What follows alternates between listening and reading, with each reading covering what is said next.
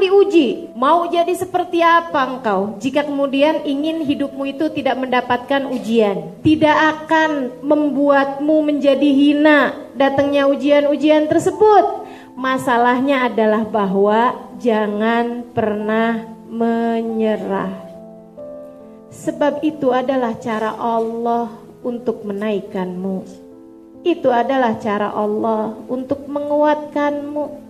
Maka jika engkau sakit, anakmu sakit, suamimu berpaling, orang melecehkanmu, orang meninggalkanmu, diberi kemiskinan, diberi kesulitan hidup, apa pun saja bentuknya. Rasakanlah manisnya cinta yang sedang Allah hembuskan kepadamu. Rasakanlah tingginya rasa cinta yang sedang Allah Subhanahu wa taala berikan. Jangan berlari ketika diuji. Jangan menjauh ketika diuji. Hal pertama yang harus kau sadari ketika diuji adalah pengujinya adalah Allah.